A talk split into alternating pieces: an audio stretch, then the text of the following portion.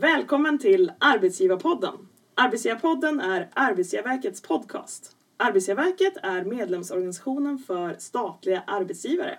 Och jag är Malin Sunderby och jag kommer leda samtalet med våra gäster. Med mig idag så har jag Åsa Ståhl som är programansvarig för samarbetet Rörlig staten och HR-specialist vid Post och telestyrelsen. Välkommen! Tack! Med mig också har jag Anna-Sara Pettersson, HR-chef i Länsstyrelsen i Jönköping. Och du är idag företrädare för Länsstyrelsens gemensamma ledarutvecklingsprogram. Japp. Ja. Jag har en till gäst. En kollega. Anina Killenstierna som är projektledare för Ledare i staten här vid Arbetsgivarverket. Dagens avsnitt är Stärka statliga ledare. Eller menar vi egentligen starka statliga ledare? Anina, varför är det aktuellt just nu att stärka statliga ledare? Vi statliga arbetsgivare har sedan tio år haft en gemensam strategi för utvecklingen och samordningen av den strategiska arbetsgivarpolitiken. Och det har vi genom beslut från samtliga myndighetschefer. Och den senaste som beslutades 2015 reviderades utifrån en omvärldsanalys som pekade på trender, förändringar och utmaningar som statliga verksamheter stod inför men i mångt och mycket står inför idag också. Så strategin som vi har den svarar på de utmaningar vi såg och den utveckling som vi vill bedriva. Så eh, i strategin för statliga arbetsgivare så uttrycks det att, och nu läser jag innantill, statliga arbetsgivare samverkar för att utveckla ledarskapet i verksamheterna. Så detta är ju högeligen aktuellt. Hur ser ni då på samverkan inom ledarskapsutvecklingsprogrammet, Anna-Sara? I ert, i Länsstyrelsen? Samverkan för oss på Länsstyrelsen har varit väldigt centralt eh, och det är någonting som vi har jobbat med under väldigt lång tid. Det i sig är liksom ingenting nytt för oss.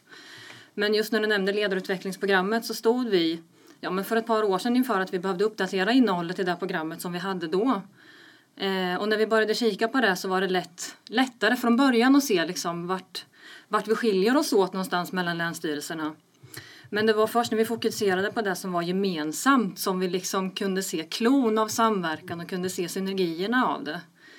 Eh, och det vi fann väldigt mycket gemensamt kring då var våra uppdrag, vår sammansättning av medarbetare och våra chefsroller. Och vad, det här med att ni, ni samverkar mycket i många olika frågor. Har ni alltid samma, samverkat inom att utveckla ledarskapet? Ja, vi har ju haft ett ledarutvecklingsprogram som är gemensamt sedan åtminstone tio år tillbaka men i den här nya tappningen, jag skulle vilja säga att vi har utökat samverkan något där vi också inbegriper myndigheter utanför länsstyrelsevärlden så tycker jag att vi har tagit samverkan ytterligare ett steg framåt. Åsa, hur ser ni på det här med samverkan inom det som bedrivs i ramen för Rörlighet i statens ledarutvecklingsprogram? Ja, vi har resonerat som att, eh, att, att eh, nätverka och samarbeta är framtidens samarbetsformer någonstans. Eh, vi tänker att vi kan erbjuda mycket bättre och fler karriärmöjligheter, möjligheter till nätverk, träffa andra inom samma profession. Eh, och vi kan erbjuda ett mycket mer anpassat och träffsäkert och mer ekonomiskt eh, utbud av ledarskapsprogram eller eh, mentorskapsprogram eller olika typer av aktiviteter. Anna-Sara, alltså vilka vinster har ni sett med att göra den här samverkan? Väldigt lika vinster tycker jag som det som du säger Åsa. Eh, för när vi började titta på Länsstyrelsen utifrån vad det är vi har gemensamt så såg vi att Ja, men vi är ju målkomplexa myndigheter som har uppdrag inom en mängd olika politikområden via kunskapsorganisationer med välutbildade medarbetare som många gånger är specialister och experter inom sina specifika områden. Eh, och den här komplexiteten som den här situationen liksom på något sätt ger upphov till ställer rätt höga krav på ledarskap hos våra chefer för att få de här olika kompetenserna att samverka. Men sen tänker vi att samverkan stannar ju såklart inte mellan bara chef och medarbetare och inte heller mellan eller inom liksom länsstyrelsefamiljen. Utan våra chefer agerar ju förstås i ett sammanhang som är mycket större än så när de ska utföra sina uppdrag. Och där har vi tänkt att som chef agerar man ju ofta i sina tre roller. Som arbetsgivarföreträdare, som verksamhetsansvarig och som ledare. Och det var den röda tråden mellan de här rollerna som vi ville synliggöra i vårt program. Och det är där vi också samverkar med till exempel regeringskansliet som företrädare för rollen som verksamhetsansvarig och med Arbetsgivarverket som företrädare för arbetsgivarrollen. Men Anina, vad är Arbetsgivarverkets roll i både då Länsstyrelsens program, i rörlighet i staten och i samverkan i stort kring Mm. de här frågorna? Mm. Arbetsgivarverket är en viktig pusselbit. Eh, samverkan skulle jag vilja säga möjliggörs genom Arbetsgivarverket och det uppdrag vi har som varande arbetsgivarorganisation. För vi har ju ansvaret att tillsammans med våra medlemmar eh, utveckla och samordna den eh, statliga arbetsgivarpolitiken. Så att eh, vi har en roll såklart. Den är tydligt uttalad och den är jätteviktig i sammanhanget. Och vi är ju så att säga också en del i de här ledarutvecklingsprogrammen i de här respektive. Vi har moduler eh, i lite varierande storlek i det här där vi pratar om eh, statlig arbetsgivarpolitik, arbetsgivarroll, lönebildning, lönepolitik, den typen av frågor. Och eh, vi bistår helt enkelt med information och utbildning och det är också en roll för oss. Det är en roll vi har. Åsa? Ja, jo, men det, för oss har ju det varit ett enormt eh, mervärde. För det är någonting, den, den typen av kunskap och kompetens kan vi inte köpa på stan någonstans eller eh, ja, få tag på av någon ledarutvecklingsleverantör i, överhuvudtaget. Så det har ju betytt jättemycket den delen i programmet. Just att kunna ge chefer en möjlighet att förstå vad det innebär att de nu är chefer i staten. Det, det går ju inte att få tag på så det har varit otroligt värdefullt. Mm. För det är en sak att vara chef och en annan sak också att vara chef i staten. Ja, Som det är att vara chef i vilken organisation som helst. Men det är varje organisationen i sig har sitt eh, värde. Ja, jag tänker också att det är där någonstans som det blir så himla värdefullt för våra chefer att möta den myndighet som företräder de här frågorna och få ha en direkt liksom, dialog med dem. Just kraftfullheten av samverkan. Därför att hos oss så pratar ju ni mycket, Anina, om vad det innebär att vara chef i staten. Vad är det jag förväntas kunna som chef i staten? Vad är det jag, hur förväntas jag agera? Vad är det jag företräder och vad är det för strategier som jag ska använda när jag utövar mitt ledarskap? Men du Anna-Sara, hur ser ni då på uppdraget och rollen som, rollen som arbetsgivarföreträdare?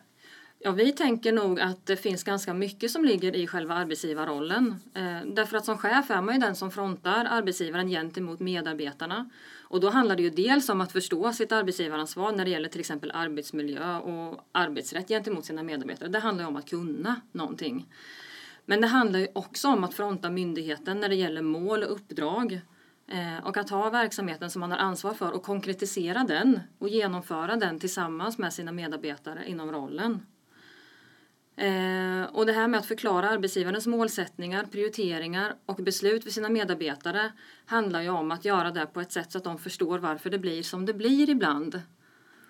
Då menar inte jag på ett hårt sätt, eh, utan på ett sätt där det finns möjlighet för medarbetarna att ställa frågor, att uttrycka sig och att ha en dialog. Eh, för på motsvarande sätt som vi i vår utbildning försöker bygga en brygga mellan regeringskansliet och länsstyrelserna när det gäller uppdragen. Genom en direkt dialog så är arbetsgivaren genom Arbetsgivarverket bryggan mellan liksom myndigheten och medarbetarna. Och där är dialogen minst lika viktig. Åsa, hur ser ni på värdet av att era ledare inom nätverket är tydliga arbetsgivarföreträdare? Ja, jag tror att eh, tydlighet och stabilitet är eh, nyckelorden någonstans. Att, eh, det, det är otroligt viktigt att de vet vilka förväntningar som ligger på rollen. Eh, så att de, de förväntas leva upp till dem i varje given situation och kunna vara självgående i det. Så att tydlighet och uttalade konkreta förväntningar, att, att få veta det behöver man kunna göra.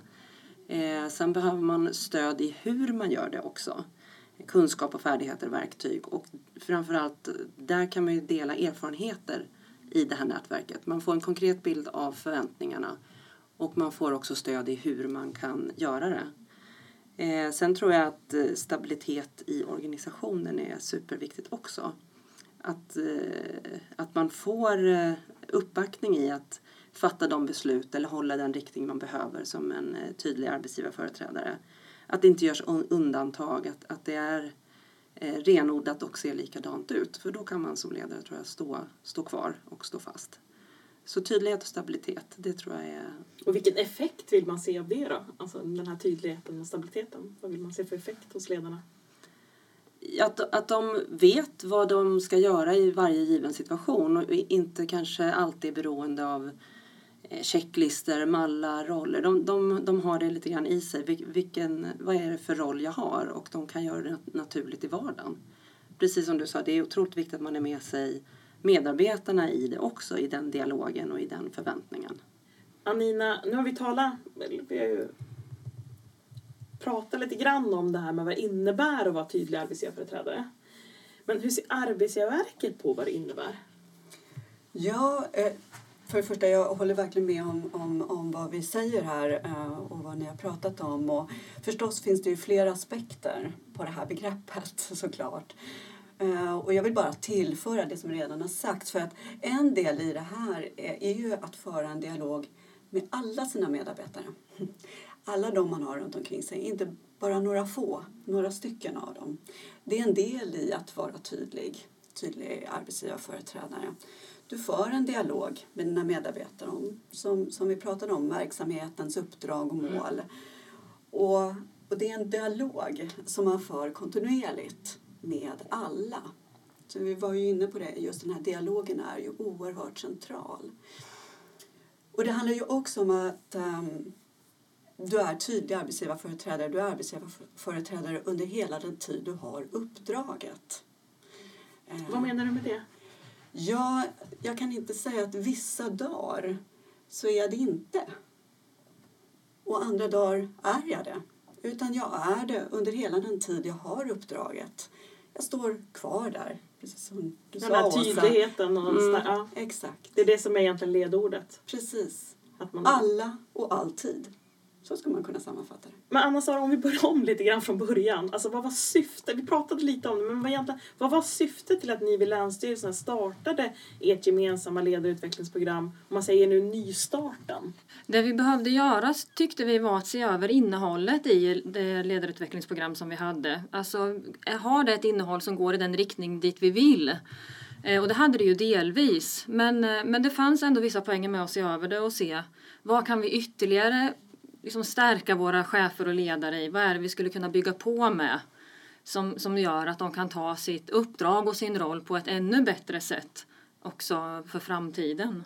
Så. Men vad var det ni ville åstadkomma då? Ja, vi vill åstadkomma kanske också lite det som Åsa är inne på, en större tydlighet och en kanske lite mera verktyg kring hur ska jag gripa mig an det här uppdraget som jag har fått som chef.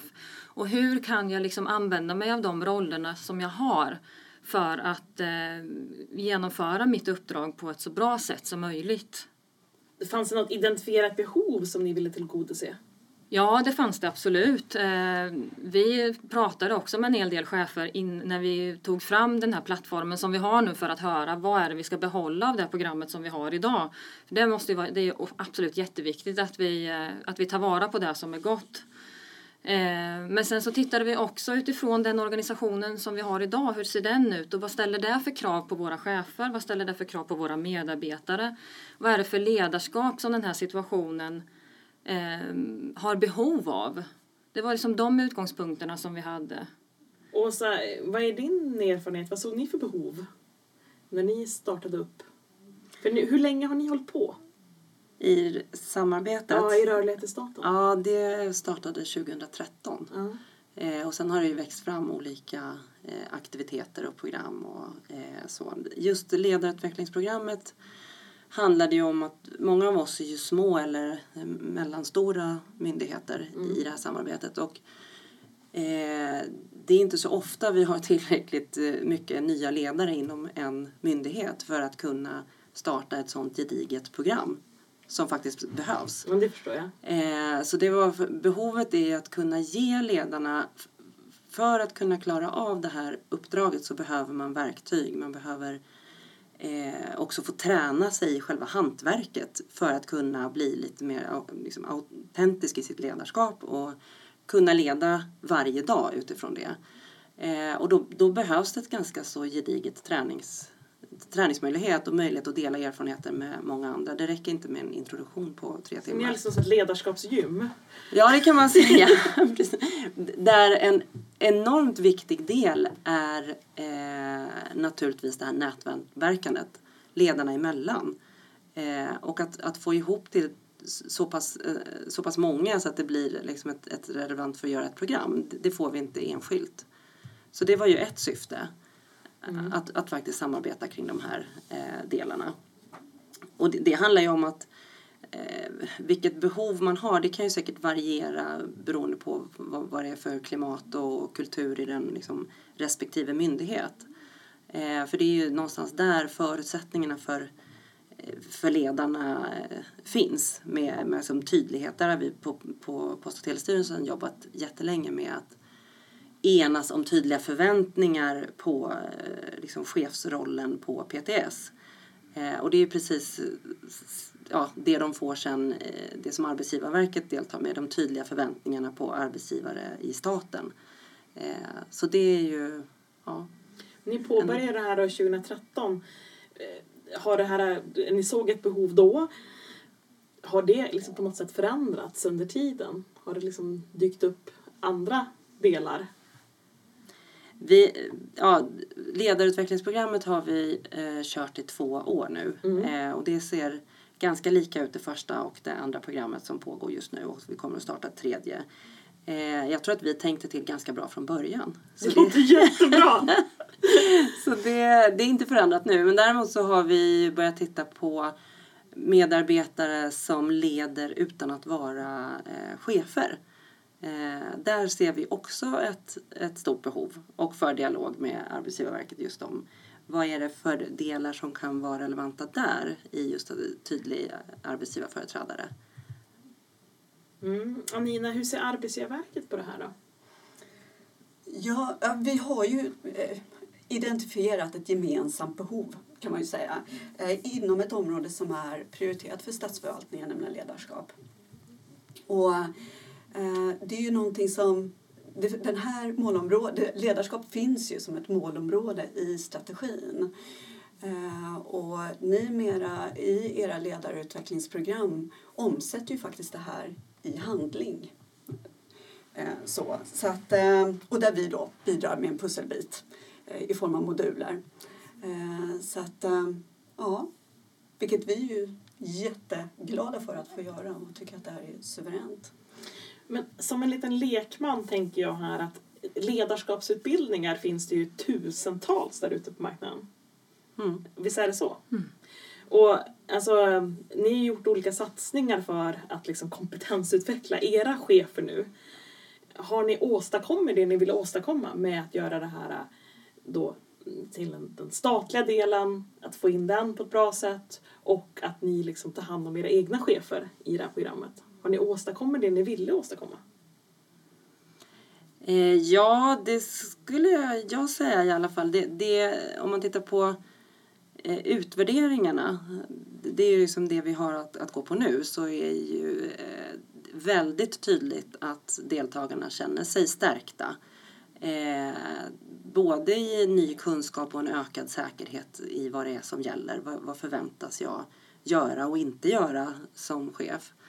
Eh, men sen, det, det är ett jättestort värde i det här nya nätverket. Där det är jättelätt att plocka upp telefonen, ringa någon som man har genomgått det här programmet med framåt i vardagen och, och, och dela, eh, ta upp utmaningar eller svårigheter och, och så. Så att det här nätverket som byggs tror jag är otroligt viktigt och det känns det som vi har lyckats med. Mm. Anna-Sara, hur, hur känns det hos er? Jo, men lite på motsvarande sätt som Åsa säger. Ehm, vi, har ju, vi, har ju, vi är ju ändå i ganska lindan med det här nya utvecklingsprogrammet vilket gör att det kan vara lite tidigt att säga exakt vad, vad det leder till så sätt. Men som Åsa så tittar vi också på utvärderingen och ser vad är det cheferna tycker när de har gått det här programmet och de är oerhört positiva. Och jag ser ju att utbildningen får ringar på vattnet i den meningen att eh, fler och fler länsstyrelser blir liksom intresserade av att köra det här programmet hos sig för att alla chefer samtidigt ska få den här utbildningen så att man får en gemensam plattform mycket fortare och det är klart att då blir det oerhört kraftfullt eh, i att kunna få cheferna att gå lite mer åt samma håll samtidigt. Eh, så ja. Men jag tänker också att när man startar upp ett sådant här program egentligen för båda er, men jag tänker på Anna-Sara nu, nystart och sådär, så, och ni frågar, ni gör liksom en behovsinventering och så vidare och liksom, vad är det vi ska göra nu så måste du bygga upp en hel del förväntningar eh, och, och som finns ute hos eh, varje länsstyrelse. Eh, har, alltså, känner ni att det har liksom lett till dem, har ni liksom kunnat stå upp mot de förväntningarna? Ja, det tycker jag faktiskt. Och jag skulle nog snarare säga att de nästan har överträffat förväntningarna. Eh, och jag tror att det bygger mycket på att vi eh, tittar på vad är, hur ser verkligheten ut och försöka liksom bygga utbildningen och möta cheferna där de är. Det är som sagt att vi frågade några chefer utifrån vad är viktigt, vad är det du behöver, vad är det du saknar. Men vi hade också länsstyrelserna gemensamt en eh, arbetsmiljöenkät där vi också kunde se på vissa gemensamma resultat där vi kunde se att målen är kanske någonting som vi behöver titta närmare på gemensamt. Och det är en oerhört central del i det här ledarutvecklingsprogrammet. Hur kan vi tillsammans med våra medarbetare konkretisera våra mål och våra uppdrag? Eh, och hur kan vi då som chefer få våra olika medarbetare med sina olika kompetenser att tillsammans gå i samma riktning. Så vi har försökt att, att bygga utbildningen utifrån ett ganska enkelt, eller i alla fall sammanhållet innehåll. Jag tror att det är också en framgångsfaktor i det här, att det, att det är det man tränas i som chef under de här dagarna. Och det här programmet är ett sånt där, båda, jag skulle vilja höra egentligen om båda era program. Vad, eh, vad gör man? Hur länge pågår det? Hur många är man? Vad- Några korta fakta. Programmet i Rörlighet i staten det sträcker sig över nio heldagar. Gruppen är 20 till 24 deltagare från alla deltagande myndigheter. Eh, Det är olika teman eh, på de här dagarna och olika, vi tar hjälp av olika leverantörer. Eh, Och Arbetsgivarverket har två heldagar i programmet. Och vad innehåller då programmet? Vad är målen? Målen är eh, dels att utveckla förståelsen för rollen som chef i staten. Eh, att stärka sitt personliga ledarskap och eh, också ge grundläggande kunskaper och konkreta ledarverktyg för att utveckla och leda grupper och medarbetare. Eh, men också grundläggande kunskap om arbetsrätt och arbetsmiljö utifrån ett rent chefsperspektiv. Och sist men inte minst att utveckla ett nätverk med andra chefer inom statsförvaltningen. Ja, och det här nätverket eh, har vi nämnt no- några gånger tidigare. Ja. Och det är egentligen det som då gör det här, eh, det här programmet unikt. Att man får träffa likasinnade som jobbar med liknande frågor. Man kanske ställs mot liknande utmaningar inom staten. Ja, det är otroligt viktigt för den här gruppen att, att kunna ha ett nätverk att bolla med. Men också det som är eh, det specifika när du är chef i just staten, vad det innebär. Och vilka mynd- eller inte vilka, men hur många myndigheter är ni? Vi är 16 myndigheter som samverkar just nu. Mm. Anna-Sara, hur ser ert program ut? Vårt program ser ut som så att den består av fyra dagar med en inledande dag där regeringskansliet och Arbetsgivarverket medverkar. Och den dagen handlar i stort egentligen om länsstyrelsernas uppdrag och länsstyrelsernas styrning och om rollen som arbetsgivare. Eh, och där är ju tillfälle där cheferna får ha en dialog med regeringskansliet som uppdragsgivare som handlar om hur de jobbar med att forma uppdrag och hur regeringskansliet kommunicerar med våra ledningar och hur de ser på det här med styrning och uppföljning. Därefter så får ju cheferna ha en dialog med Arbetsgivarverket för att prata om vad man förväntas företräda som, arbetsgivarna, som arbetsgivare och chefernas roll i mötet mellan så att säga, myndigheten och medarbetarna. Och den här dagen avslutas med att ett av våra länsråd tar hem frågan, om ni förstår vad jag menar, till Länsstyrelsen och pratar kring hur länsledningarna och regeringskansliet jobbar i gränssnitten mellan varandra. Och syftet med den här inledande dagen är att tydliggöra den röda tråden mellan uppdrag och verklighet på något sätt. Alltså vad händer runt omkring mig som chef som jag kanske inte är direkt involverad i men som ändå påverkar mig. Ehm, Allt från regeringskansliet ner till medarbetaren ja, som precis. anställdes igår. Ja, ja men precis, precis. Den kedjan, det är den vi har försökt att jobba med att göra tydlig. Ehm, och efter den här inledande dagen så följer fyra dagar fördelat på två tillfällen där cheferna får träna sig i hur man leder välutbildade specialister åt samma håll, liksom i samma riktning. Och som jag också tror att jag nämnde i början så är länsstyrelserna kunskapsorganisationer med välutbildade akademiker, experter och specialister. Och detsamma gäller ofta våra chefer. Eh, därför att för att få trovärdighet hos våra medarbetare så krävs det i de allra flesta fall att man har en god sakkunskap. Och då kanske inte bara lite sådär på ytan utan man behöver ha lite mera kunskap på djupet inom de här områdena som man är chef inom. Så det är inte ovanligt att vi rekryterar specialister till chefer. Därför att det är viktigt att man som medarbetare känner att man kan få stöd av sin chef för sina dagliga arbetsuppgifter.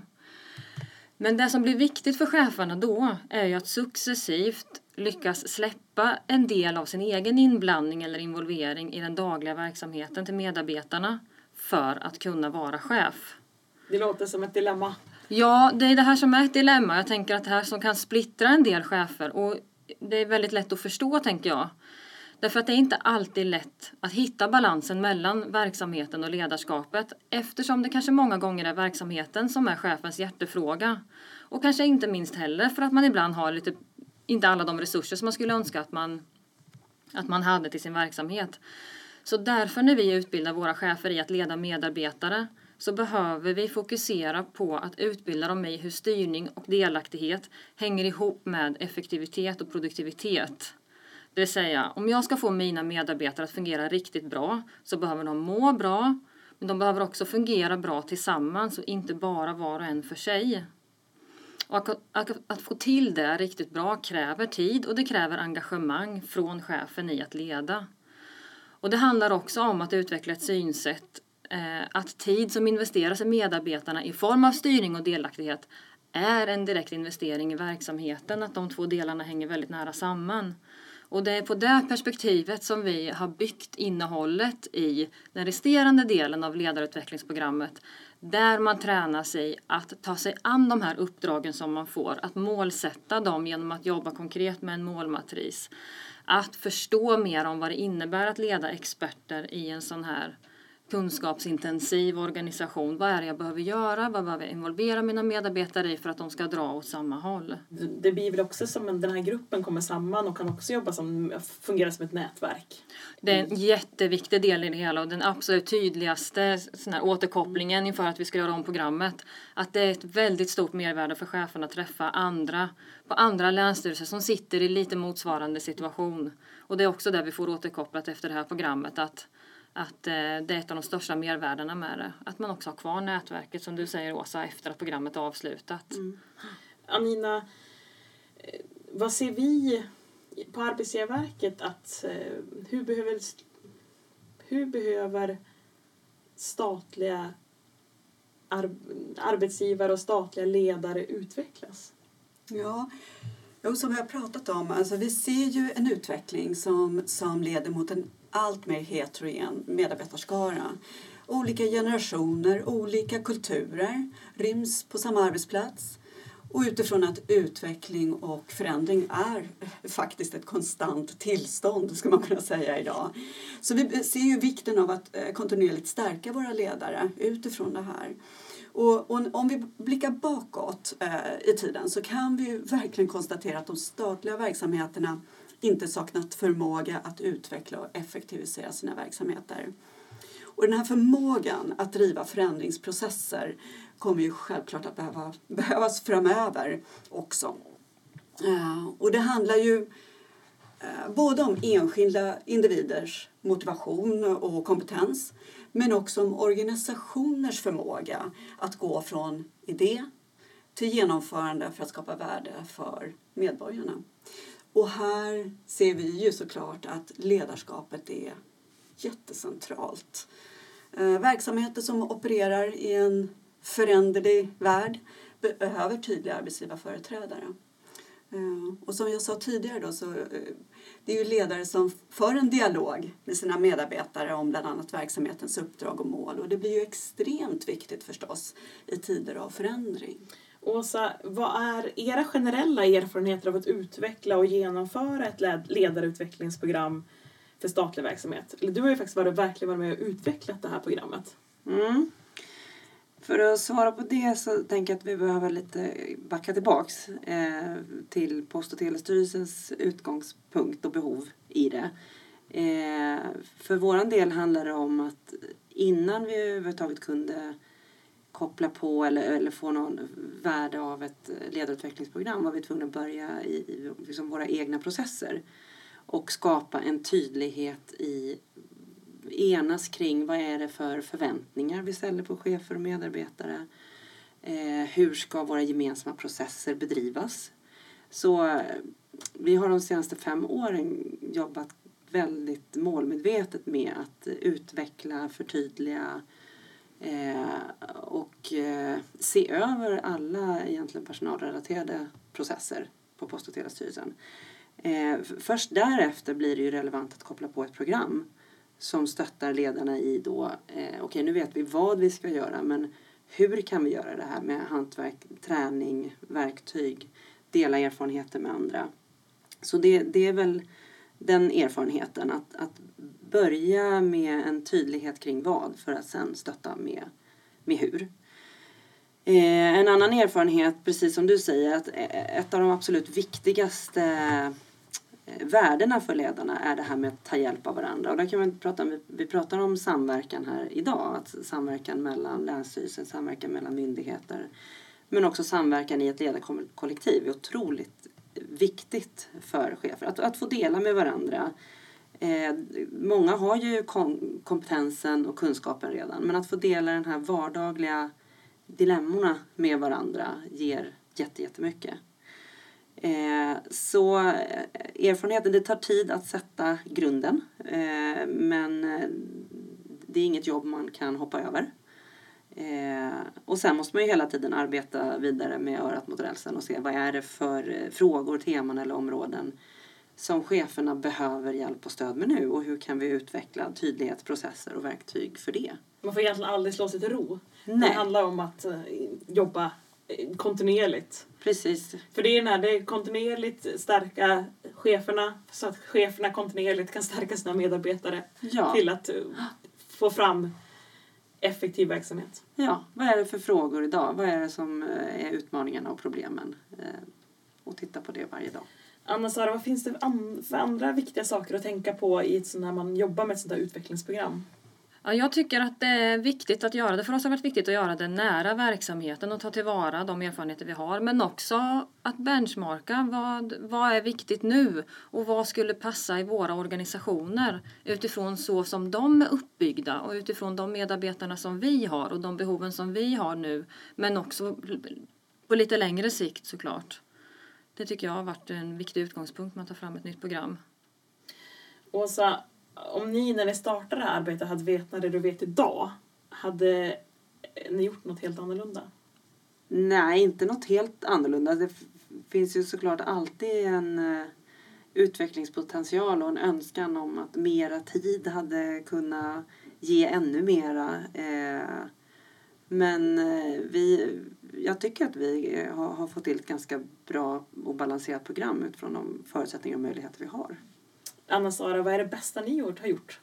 Eh, nej men jag tror faktiskt att, att, att det bästa har varit att bygga utbildningen nära verksamheten i den meningen, nära chefernas vardag. Att visa att vi ser eran vardag, det är eran vardag som är våran utgångspunkt och att det är den som är viktig att, eh, att tränas i mm. ännu mer på något sätt.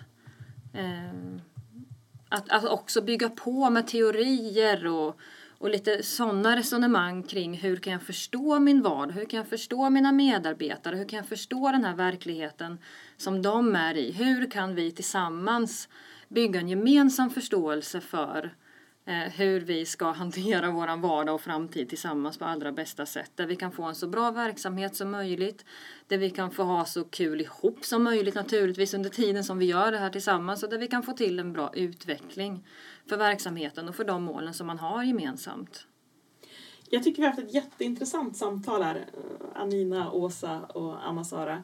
Och ofta så väcker ju ett sån här typ av samtal frågor. Så har ni frågor till någon av oss så skicka ett mejl till arbetsgivarpodden arbetsgivarverket.se. Anna-Sara, en sak vi inte får glömma av det du har sagt idag jag vet inte om jag har sagt det uttryckligen, men det jag tycker är väldigt viktigt är att det är dialogen som är det enskilt viktigaste verktyget som man har som chef. Dialogen med sina medarbetare, med sina överordnade chefer, med samarbetspartners, med sina kollegiala chefer. Eh, det, är när vi, det, vi, det är det vi pratar om som vi kan eh, utveckla tillsammans. Kort och gott dialogen. Åsa, en sak vi inte får glömma det du har sagt. Jag tror att en, en nyckel till framgång i det här är att ledarna blir självgående i, i, i de här frågorna. Att de tillsammans med gruppen utvecklar kultur och ansvarstagande och bygger in det i vardagen. Eh, så, att det, så att det inte blir några kortare insatser ett par gånger per år, sen, sen blir det ingen förändring. Utan att de lever eh, efter det varje dag. Anina, en sak vi inte får glömma det du har sagt. Vikten av tydliga arbetsgivarföreträdare i tider av förändring. Tekniken står Sara Nyckelsnoja för. Mitt namn är Malin Sunderby. Och Arbetsgivarverket ger arbetsgivarföreträdare ökad kunskap om den gemensamma arbetsgivarpolitiken. På så sätt får vi ledare som genom att tillämpa arbetsgivarpolitiken bidrar till effektiva, attraktiva och innovativa verksamheter med god arbetsmiljö och aktiva medarbetare. Hej då!